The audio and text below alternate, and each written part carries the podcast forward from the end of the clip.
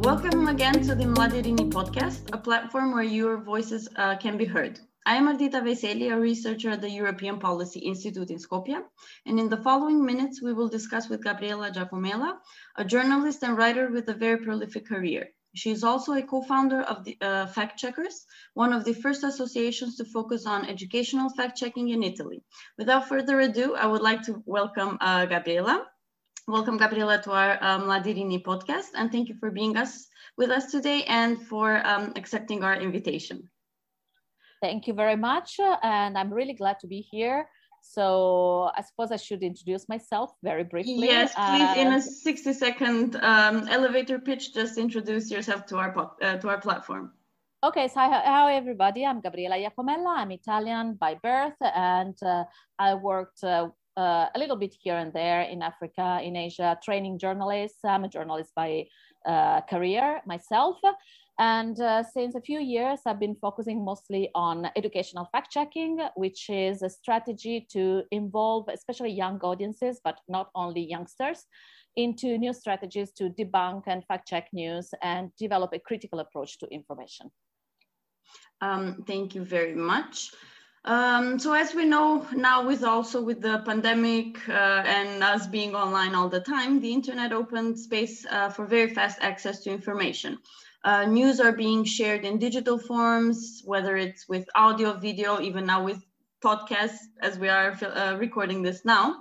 Uh, but how did journalist, uh, journalism changed um, in the recent um, year, but also in the recent decade? How has um, the digital formats uh, changed journalism?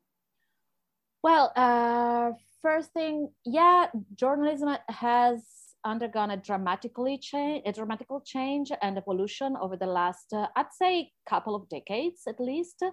Uh, but what we witnessed over the last year is an increase uh, in what we call information disorder. So, information partially unverified coming from all sorts of platforms all sorts of channels that sort of uh, clog our mind and you know uh, overload our ability to sort of uh, uh evaluate and check what we are uh, facing when we when we deal with news.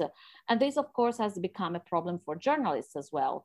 Um, I think it's not by accident that even before the uh, World Health Organization launched the alarm, officially launched the alarm of the pandemic, uh, they started, the director himself, uh, Tedros Adhanom, uh, in February last year, launched the alarm, uh, rang the bell on the so-called infodemic.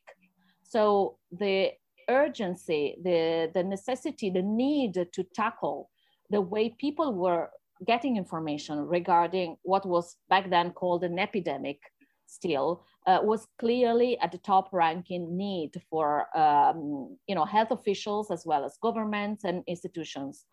Why? Because uh, as you know uh, probably everybody is aware of uh, over the last decades journalism in its uh, in its traditional form in its official form um, has um, suffered a massive loss of credibility and trust.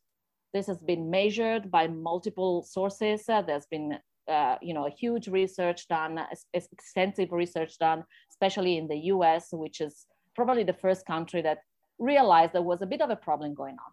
So we have on one side, official journalism losing grip on its readers and uh, free online, apparently unhinged sources getting, you know, gaining, um, you know, trust and gaining traction with uh, viewers, readers, users, you know, name them how we want, but, you know, that's what we are talking.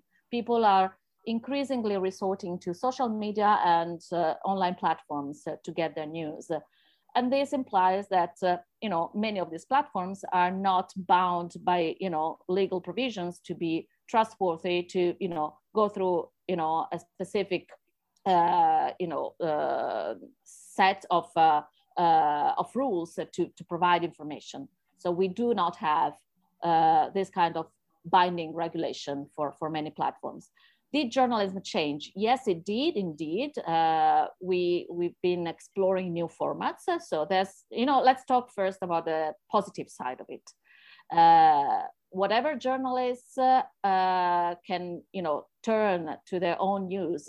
uh, it's uh, it's provided a new a new venue for readers to resort to. So you were talking about podcasts, you were talking about uh, digital forms of journalism, multimedia, um, you know, video, short video documentaries. Uh, there's been, you know, really a trove of new tools for journalists to put their hands on. Not all of these tools have proved effective. For example, I myself, uh, you know, tried my hands on uh, mm, uh, you know, 3D narratives, uh, you know, sort of immersive narration of, uh, of stories, this didn't really work out very well because people still lack the tools. They don't have, uh, it's very uh, engaging if you want, but you lose the attention of the reader uh, at the very beginning because, you know, we are very seduced by the, you know, how engaging the narration is, but you know, you focus more on how something is told than about the contents.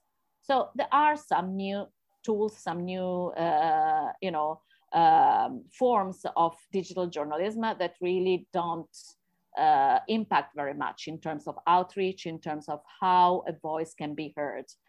But then again, we can engage readers in different ways. We can use the social platforms to reach out to new potential readers. We have journalists using TikTok and Instagram to reach out to young users, which is actually a very positive thing to do. Uh, we can follow news on a 24 news cycle, which is something that before digital uh, you know, transformation, we couldn't do. Uh, newspapers, uh, uh, news broadcasts on TV, they used to have a very specific time frame. So if a bit of news didn't arrive by that time during the day, it was easily dismissed uh, or it would pop up the following day. So now everything is faster. Uh, there's much more, uh, there's more venue. Therefore, you can publish in terms of sheer quantity, you can publish and share more news. So this is a positive, it, it's an upside. And also there's a flexibility. You can target different age groups or social groups uh, using different media. You can basically uh, take a news, take a content, and develop it transversally over many platforms. And each one of them will have the ability to reach out to different segments of your, of your public. What's the downside though? The downside is that there is still a lack of a functioning business model, despite everything in 20 years plus 25 years of uh, digital media we are still at the stage where nobody really knows how to make a profit out of digital version of online newspapers or whatever. So we have a few positive examples like the New York Times or the Guardian, you might have heard that they actually managed to get a massive increase in subscriptions and uh, the online revenues have been skyrocketing over the last couple of years but they are more an exception than a rule. It's very difficult to apply the same business model of the New York Times to an Italian regional newspaper or to a Macedonian, you know, national daily. Uh, same goes with the Guardian. It's even more complicated because the Guardian, as you know, has a trust behind it, and you know there's a very different relationship between what the newspaper stands for and its uh, let's call them clients, but it's more like a, an engaged public. So Lack of a functioning business models means cuts in funding, cuts in revenues, therefore cuts in funding, less journalists uh, engaged in the making of a newspaper. So the time frame squeezes, you're required to perform multiple you know, tasks at the same time, the quality decreases. And you know, it's a vicious cycle. This in decrease in trust towards the media also depends on how much we have lost in terms of quality with uh, in, you know with the um, emerging uh, market of the digital media. And then we have yes of course we have citizen journalism. You know the digital era is defined by the arrival of this you know by the arrival on the scene of a public which is not a passive public anymore. It's an engaged public. It can uh, you know debate news uh, create news contribute to the creation of uh, uh, information in general. So it's a two-way channel. It's not a one-way channel anymore. But this also raises questions in terms of accountability. Citizen journalism in its purest form is uh, made of citizens raising questions, raising themes, uh, producing materials.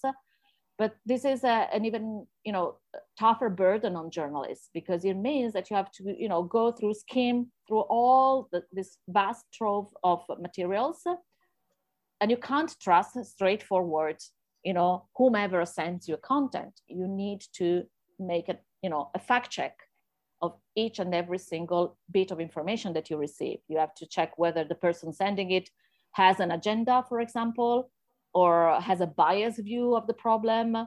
Where does the bit of news come from? Is the video has the video been recorded exactly in that place at that time or is it something that's been reused and so on and so forth? In terms of what we have access to online uh, free news as you know many platforms uh, pretend to be providing news for free therefore creating a huge competition almost unbeatable competition for traditional media but free isn't always free, as we all know. What we don't pay in money, we pay in data, you know, that are siphoned from us and resold and reused to many purposes, and also in quality loss. To have a platform that is uh, running for free without subscription, without payment on the side of the public means uh, that you cannot really build on uh, quality information. You have to rely on uh, quantity you know, and you know, be the first one to beat you know the breaking news cycle and be there first. Uh, sometimes without having the chance to double check it, or using you know gossip or clickbaiting content to get you know traction among the readers. And then, of course, this is related to the free news market. Uh, there's a pressure of a multifaceted competition that comes from online media. So as you see, there's a lot of ups and a lot of downs. And uh, I would say that in general, we haven't figured out how to use this new market and how to make, uh, you know, an advantage, an advantageous, you know, use of uh, the new tools yet. Um, there's a new current emerging in journalism, which is slow journalism. Uh, it was born in the US. Some, you know, it was the first time people talked about slow journalism. It was basically in reaction to this 24 7 fast food cycle of news.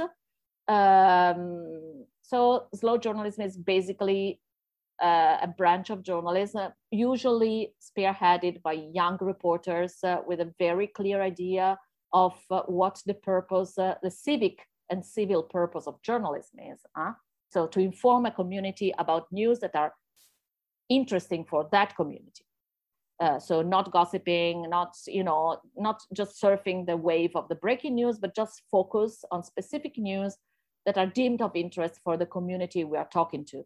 So and slow journalism is based on uh, taking your time focusing on whatever argument whatever uh, you know mm, uh, item you're, or issue you're tackling and just put all your efforts in explaining it into detail like go deep use a language that everybody can understand and you know whatever it takes to publish it we don't care. We don't go with the fast-paced rhythm of the digital era. We go with a slow rhythm and slow pace that is the, pace of the readers. We do use digital tools but we are not slaves of the digital tools. And i think this is a positive outcome of this whole debate on you know how journalism has changed. It has changed in the sense that it's gaining again uh, its role as a, you know a servant of the community in a way. Um, thank you. Since you started mentioning also about um, addressing fake news and the vast information that there is provided in um, um online outlets, um, what policies and practices are needed to address uh, fake news? Now, the EU signed a code of practice on disinformation with major uh, tech giants. Um, how would you assess this policy approach and what can be done to, to be improved? Well, first of all, I'm probably a bit biased in this, uh, in the sense that clearly, as a person who co founded um, an organization that tackles this issue from the perspective of educational tools. I do believe that uh, uh, education and uh, training is the key rather than policies and you know legal frameworks. Why? first of all, because uh, uh, yeah, you were rightly mentioning the code of practice uh, introduced at the European level and regarding you know how platforms are involved in, in dealing with fake news. The first and foremost problem that I see in this is that uh, actually we lack a definition, a shared definition of what is fake news. How do we define fake news or disinformation? I prefer actually the term disinformation because fake news is usually something that is 100% fabricated and with the intent to do harm. Disinformation is a much broader issue. Is the all kinds of information, including the one produced by official media, that is somehow twisted, either on purpose or you know by you know uh, sort of uh, under the pressure of uh, producing a content, you sort of mismatch a title and uh, uh, and the content of an article, for example, or you use a picture that is clearly misplaced and doesn't really stress the core of the of the of the news and so on and so forth. But that said if we introduce a framework we should all agree on what we're tackling and the truth is um, it's very difficult to define fake news also to define it in legal terms uh, is a sort of double-edged sword in the sense that in a democratic government for example in a democratic country uh, we can all agree yes i just you know, I'm very happy to have, uh, I don't know, the Minister of Interiors define what is fake news and what is punishable by law. Let's have a shift in 20 years. We do not have a democratic uh, government anymore. We do have, but we do still have this law in, you know, in place. And it's still up to the government and to the institutions to define what is punishable as fake news. I can see it very, very easily go downhill from here and i mean i don't i'm talking about my country so uh, we do not have uh, you know um, an sort of uh, a situation whereby i I foresee democracy to collapse very soon, but we are all aware that there are other situations, even in Europe, where this risk is not so, you know, far-sighted. You know, uh, so uh, yeah, this is the first problem. The second problem is how do you enforce a code of practice? how do you you know do you do you fine the platforms all these platforms as have you know their legal seats elsewhere they are not in europe so what kind of uh, legal framework again do we use to make sure that these code of, codes of practices aren't just a sort of um, a bit of a greenwashing experiment uh, applied to fake news like just as you know big uh, companies do with uh, with the climate change stuff. You know, they just pretend, and you know, in words they are very good at it, but in practice, you know, the impact is, I would say, little, if not minimal.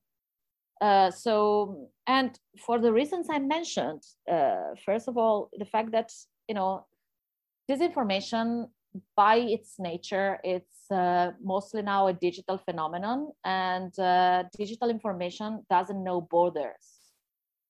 So, again, how would you face a situation whereby a bit of news is considered illegal, stamped as fake news in a country, and perfectly legal or maybe controversial but not punishable, not sanctionable in another country?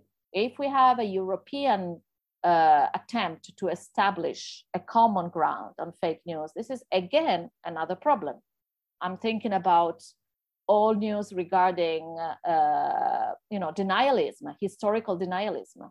Think about how different the perception of what is denial, historical denial, negationism in my country or in your country is.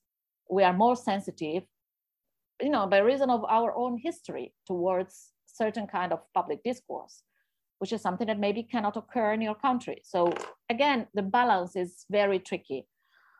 So, um, and that's why basically I think, and I'm not the only one to think so, I know a lot of friends who work, uh, you know, in similar uh, associations, organizations, uh, and uh, also a lot of friends who were involved in the debate at the European level on the code of practice have their own you know issues with you know this approach.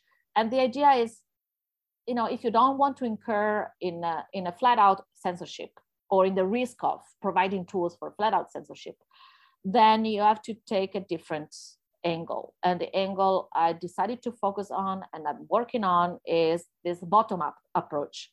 So enable people to uh, understand what disinformation is, why it is so dangerous, what is the backlash if we are too prone to, you know, uh, a, a, a, kind of information structure that is unhinged from, uh, uh, you know, journalistic practice, and in a way give people the tools to uh, evaluate and gauge what kind of news they are uh, consuming online. It is risky because we know perfectly well that now, uh, you know, with the huge quantities of information out there on the web, uh, there's been also an increase on, you know, conspiracy, conspiracy theories, uh, uh, you know, partisan tales uh, about different different issues and arguments. but then again, it's just more visible. People, even back in the days, they did believe this kind of fake news, disinformation. They did believe in conspiracy theories. The difference was that they weren't able to contribute to debate. We, we didn't see them because they didn't go on Facebook posting contents on, uh, you know, uh, chemtrails or I don't know, uh, the Zion protocols, whatever. Uh, but they did talk about them in close circles. They did discuss the things, you know, at a cafe with friends. So it's just more visible now. But I think this is, in any case, a minority.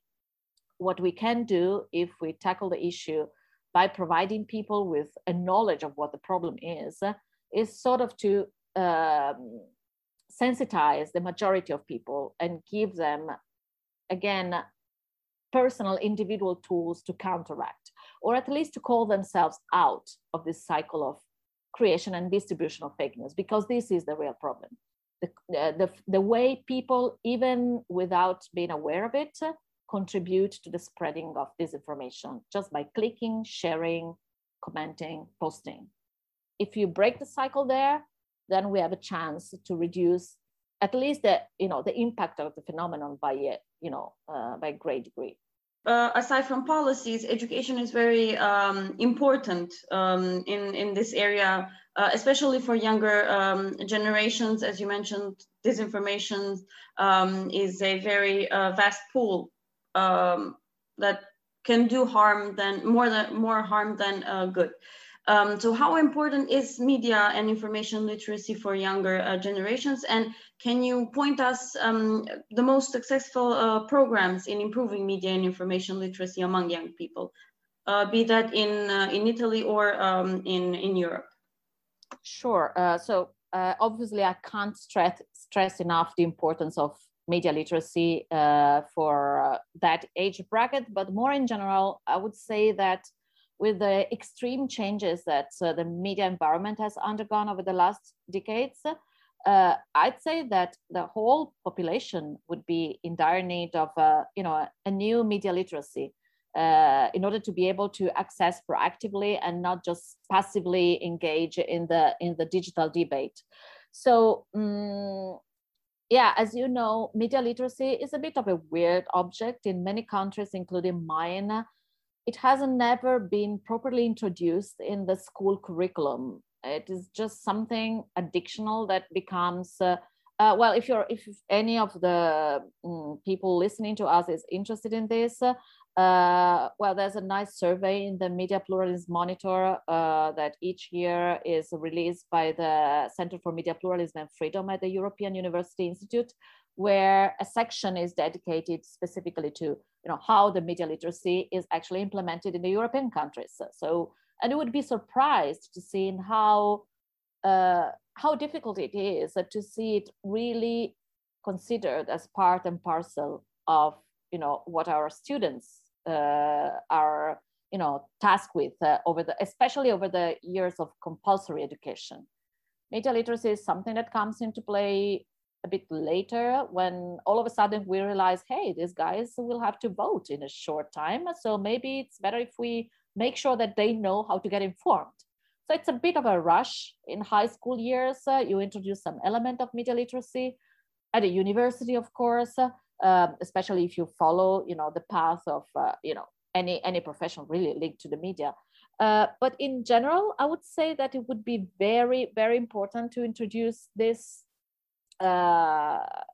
you know, this area, uh, broadly speaking, into the curriculum from a very young age. You know, some of the work I do with schools includes, uh, uh, you know, introducing basic concepts such as uh, how to distinguish between facts and data and opinions with young kids in preschool or, you know, in the first years of uh, primary schools in Italy.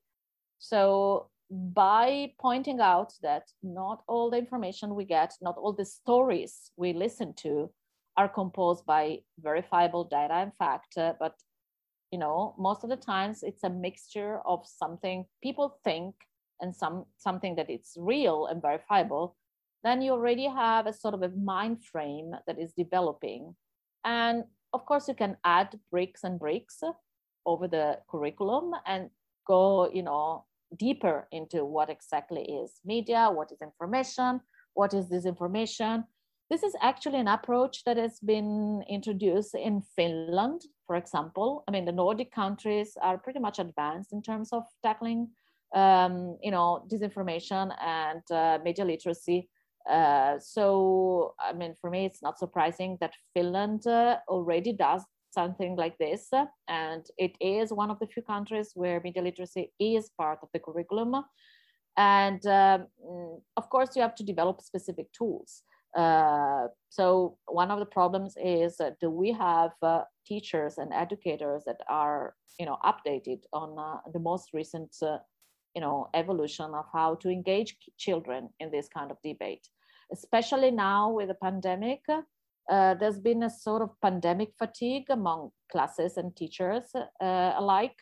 So all the courses I taught, the labs I gave over this year, I had to make a special effort in finding tools, apps, uh, gamifications, uh, you know, uh, role playing that could grasp, uh, you know, whatever content I wanted to put out there, but also catch immediately the kids' attention because they really are overwhelmed with digital content. So they need to be given something else and also to be put in a proactive position. Media literacy is very boring if you just hand over a newspaper and tell them, okay, now I'm, I'm telling you how the newspaper is made. Uh, why should you trust journalists? They will lash out immediately and telling you, well, but I've seen this thing on a newspaper and this is not true. I mean, uh, they gave us, you know, this gossip or this is partially true or they had to correct it a few days later and they didn't even care about correcting it. You know, kids do see things. We can't just sell them the old idea. You just stick to the media and everything will be fine. They need to be engaged in a also in a very open discussion, I think. Um, so for what concerns programs that I would recommend, well, I, I would definitely recommend a resource uh, my organization worked for a couple of years with the International Fact Checking Network, which is uh, based in the US uh, uh, at a university in, in, uh, in St. Petersburg in Florida. So the International Fact Checking Network was born out of the need to coordinate the effort of fact checkers, that is news verifiers throughout the world. And one of the emerging fields uh, fact checkers uh, have been working on internationally is specifically uh, news uh, literacy, media literacy, and uh, media education. So if you go on the website of the International Fact Checking Network, or even better, on the International Fact Checking Day website, website, which is if you type International Fact Checking Day, it will just pop up immediately.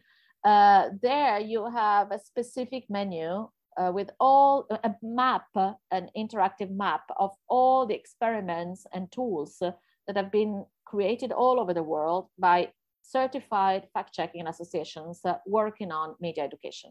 So this is a huge resource. Most of these, you know, tools are um, translated in English, or they they at least uh, there, there's a contact whereby you can reach out to the people uh, in countries you don't speak the language of. Uh, they can share their views, they can share their contents, uh, they can share their tools. Most of these uh, organizations are really, you know, volunteer organization, or at least uh, they, they don't do it for profit. So, I mean, they're very much available to, to help.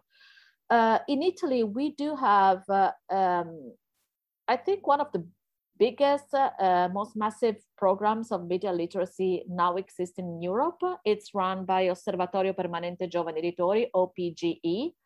Um, it's very traditional in its approach, meaning we, uh, they, their goal is to teach students how to approach traditional media. So how to read a newspaper, how to create a newspaper, how to question what is published in a newspaper. They work uh, um, in a network with uh, the main, the major publishers in Italy, really. They involved all the newspapers, publishers, uh, both at national and local level because you know the local news are also very important to, you know for the kids to engage with and right now they they have an outreach of 6 million students each year which is basically covering the entire high school population in my country it's a huge endeavor they've been going at it for the last 20 years so it started small and it increasingly in, increasingly got traction among the teachers. They, they provide uh, training for teachers as well. Uh, they engage with uh, you know university researchers. Uh, they provide a series of tools, and now they are. Um, I think they they recently struck a deal with Google and um, and Apple to have more digital tools available for for kids. again, sometimes you have to strike a deal with the devil to, uh, you know, get your you know get to your goal. But I think it's a very interesting um, experiment, especially uh, it's a test uh, and it's testament of how important for teachers and students alike this topic is because the, the numbers are staggering and it wouldn't grow as it has grown if there hadn't been a need on the side of the school and educational community. it's very interesting to hear um, that there's this big program going on in Italy to to tackle media and information literacy, which is sorry, which is a great plus uh, to have that uh, focus on young people since the the amount of information they get they get is huge and also training teachers and professors on uh, delivering um, those kind of lectures and, and information to, to young people is um, it's very interesting and important. And I wish that most uh, more countries also in the Western Balkans will, will follow on, uh, on those steps because this information, I believe it's, it's a great um, problem, let's say here in, in the countries of the Western Balkans. I will say that uh, you know, I've, I forgot to mention that this kind of programs have a huge potential for publishers as well. I mean, let's talk business here. Uh, you know, if you are losing grip on younger generations and young readership, then one way out is to get engaged in, in programs programs like this, uh, so that you get in touch with potential readers earlier. Uh, you make your case. You you know you explain why should they uh, trust the information that you publish. So you invest a bit into, I don't know, providing free copies of your, you know, daily or magazine, whatever. Uh, some of these publishers, they also provide, uh, um, you know, trainers. Some of the journalists, some of the biggest names in journalism in Italy uh, have to some extent been involved into this program, like delivering, uh, you know, uh, talks to groups of students or producing online contents to be shared on the program's platform. So there is also, you know, a chance to connect at a deeper level with uh, with a new readership. So, and last but not least, uh, if you give out copies for free, the numbers in the distribution increase. So it looks nice at the end of the year. So uh, I'm not saying that all these people, all you know, these companies do it you know for free or just out of a good heart. I'm saying there is also potential in this collaboration. Uh, it's it's not uh, it's not surprising for me that uh, you know out of the actors involved not all of them do it uh, just for you know because they think it's a mission. They do it also because they see a positive advantage in terms of their business. And it's fine by me.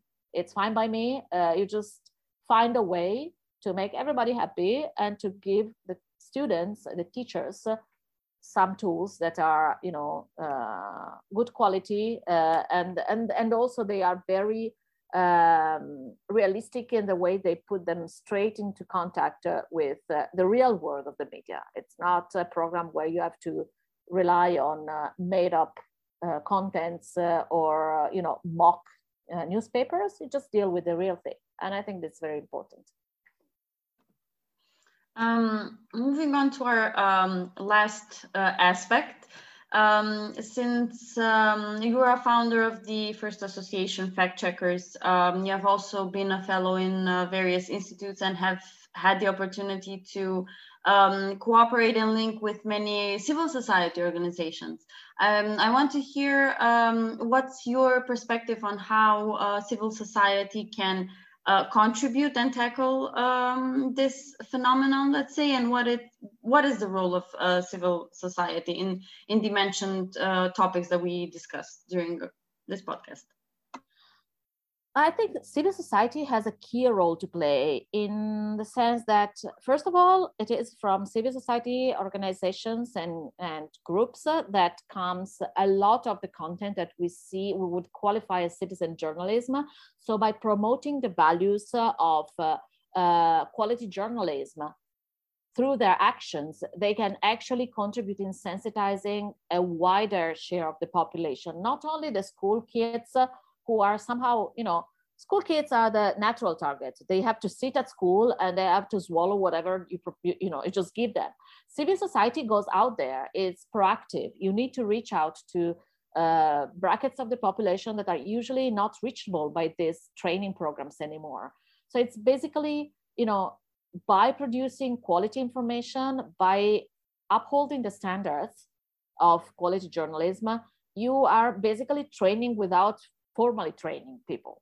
Uh, so I'll give you an example. One of the, uh, well, I've been working over the last uh, few months with uh, um, a street newspaper, you know, the, the kind of street the newspapers that are produced by a newsroom of uh, people who live on the streets or at least mm-hmm. who are at the margins of society and uh, and then it's uh, printed and it's sold at the corners of the streets or in squares in the major cities uh, to uh, you know finance projects for the uh, you know improvement of the living conditions.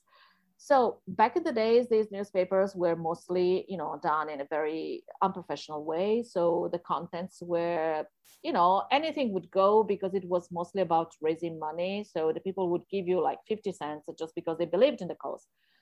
But nevertheless these uh, newspapers are out there for people to read.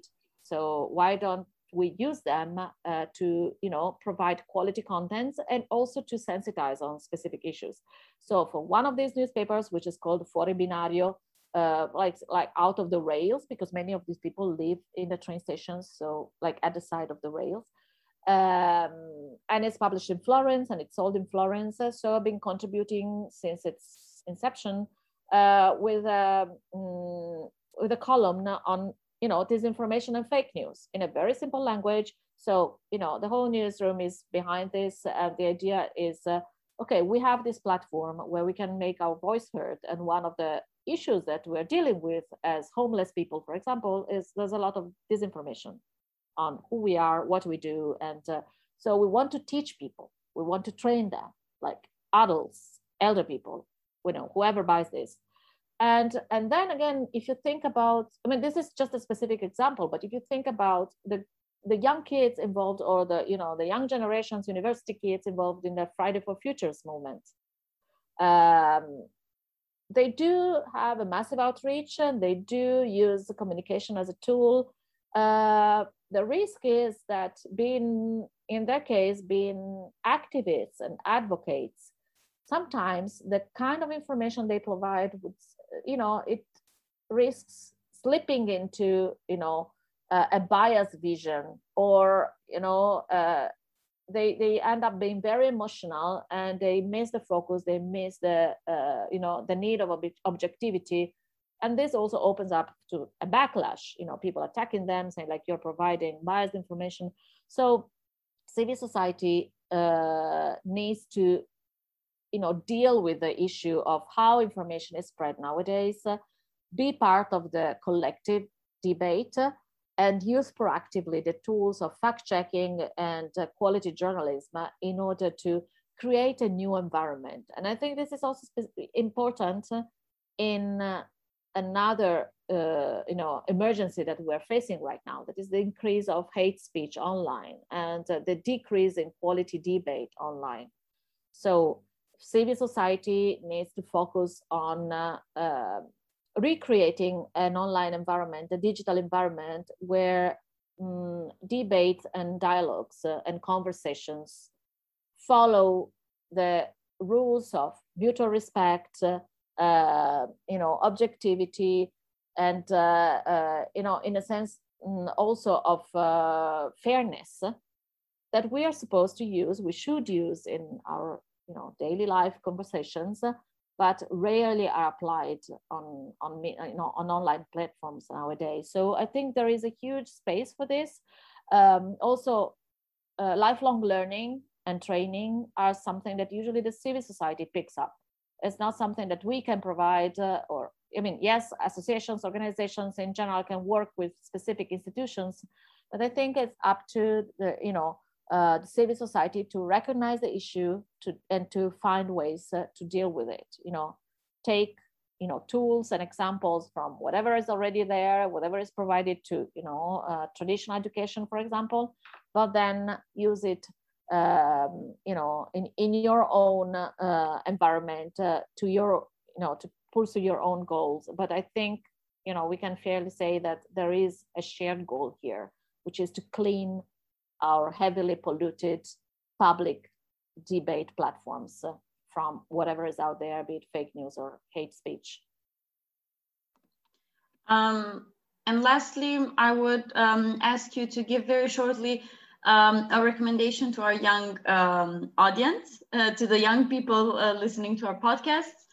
Um, how can they spot uh, disinformation and what can they, what can they do uh, themselves to um, widen their uh, their knowledge on on media and uh, information literacy?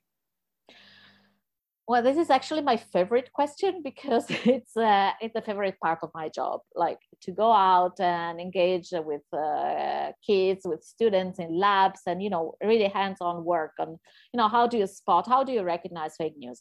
The first thing that you have to do is to acknowledge that virtually each and every single person, each one of us, uh, is uh, uh, you know at risk of buying into fake news and disinformation. Most of the times, you you have to engage with people who tell you well but i i never i never believed any any fake news no uh, i would never uh, i'm very cautious uh, or i know how internet works i know how digital tools work. This is not about having a practical knowledge of the tools. This is about knowing ourselves. Because uh, you know you have to ask yourself the question why do fake news work? It isn't you know we cannot simply say you know everybody who believes uh, you know fake news is stupid or ignorant. This isn't the case. We have highly literate educated people who fall prey of fake news. Maybe not the one that you you know you would found shared by other people. Maybe it's a very subtle one but they do fall prey of fake news. So why? The reason is that fake news in order to be effective i call it i call them fake news just for the sake of brevity but you know it's we, we already said it's more complex than that, but let's call them fake news. Um, how do they work? They prey on emotions, right? Uh, if you have an emotional reaction, be it happiness or anger, disgust or outrage, you know, usually it's bad reactions, but also positive reactions can work. If there's a story that it's literally too good to be true, then maybe it isn't true.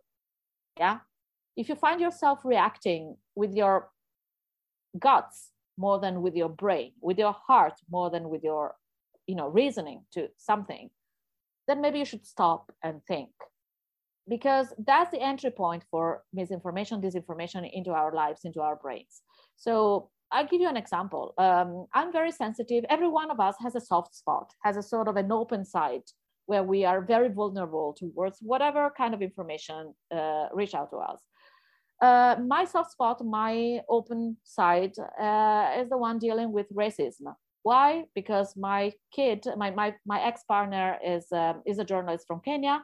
My kid is half Italian, half Kenyan. So whatever you know, whatever kind of news comes up in the public debate in Italy regarding episodes of racism, especially towards young kids in my country, I'm hypersensitive towards it.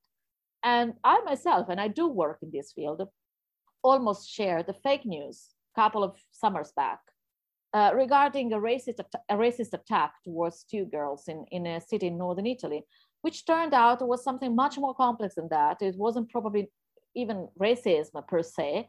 Uh, so it was maybe sort of a, a, sub element of racism, but it wasn't the main uh, question there. And what happens if I share that kind of information? Uh, it ha- what happens is that I contribute to spreading a twisted reading and interpretation of reality. And more importantly for me, I contribute to a, a polarization of the debate. So I will have people who side with me and say, like, yeah, maybe it wasn't really racist, but whatever, the problem is there. And you see already a problem. If it wasn't really racist, maybe we shouldn't talk about this episode. We should focus on other episodes.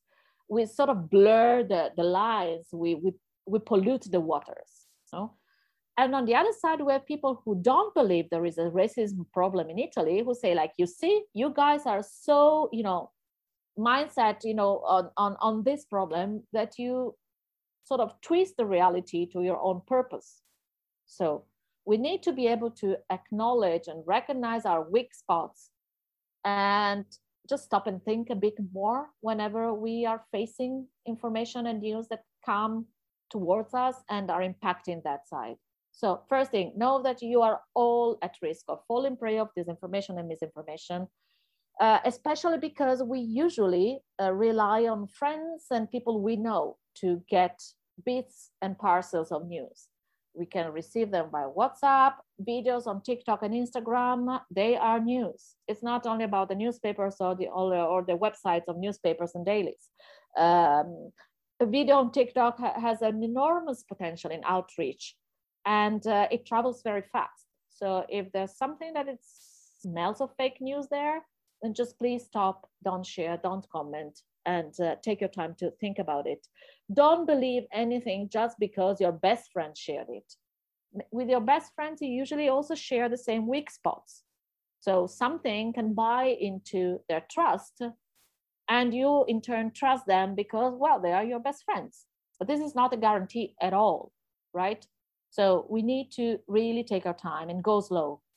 So, uh, by the way, what I just mentioned, this idea that we rely on friends and relatives and you know people we know, uh, it's what we call the information bubble.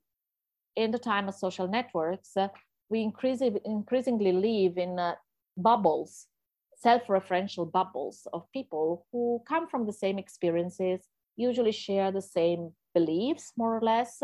So we end up hearing the same kind of discourse over and over again. And there is a huge risk of self confirmation.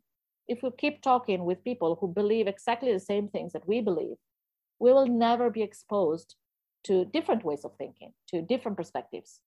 And this sort of reinforces uh, you know the the power of fake news because if we share fake news we all believe in in our community then we really strengthen it and we give it, you know, a long life to live. So, and then, yeah, practically speaking, you have to learn how to spot what we call the red flags, right, in a content that you see. As I said, emotions play a big role. So, whenever you you bump into a content that triggers your emotions or sort of uh, uh, urges you to share it, like please read and share. Stop and think. Why do they want me to share this? If it's real news they don't need me to share this. It just you know goes on its way and you know people will read it and you know talk about it. It doesn't need me to push it forward. And um, check the pictures check if there is a, an attempt to build a story in a way that again appeals to emotion or appeals to uh, you know maybe a visual impact uh, more than uh, you know be as much as they can neutral, which is you know the aim should be that, uh, and you know check the URL, check the address of the website, uh, make sure that they are really who they claim to be. Like sometimes uh, uh we have fake websites that claim to be authoritative newspapers, uh, where whereby they're just you know um, they have a similar name, but they are not quite that thing like in Italy, we have, uh, I'll give you an example. You can have uh, the, the, newspaper I used to work for, I worked for 10 years, uh, it's called Corriere della Sera. And we, we had a series of fake news websites called Gazzetta della Sera, Corriere della Serra, with two R's instead of one. And you know, if you are in a rush, if you're going to catch the bus, uh, or you know, you're running to school, or you are in a break at work, uh, sometimes you just read the headline, right? You don't even bother to open in your article. And if the headline is strong and appealing, and you know, uh, makes you think, then you don't even bother to check whether the source is really what it claims to be. And you just forward it, you just share it straight away, or you like it straight away. So just please stop and think, because we can only break this cycle if we all play our part in it. And last but not least, uh, make it a point to uh, select a number of authoritative, reliable sources you would refer to uh, you know, in your everyday quest for information. Just seek out reliable newspapers, magazines. Uh, if there's, uh, uh you know, there's fact-checking organizations, even in Macedonia, you can rely upon, or in English for international news. You know, sort of make sure you have a routine. Whenever you seek for quality information. Know who your, you know, who your real partners are in this quest for truth. And uh, be wary of whoever claims to have you know the final version of everything. One of the important you know aspects of journalism is journalism is a quest.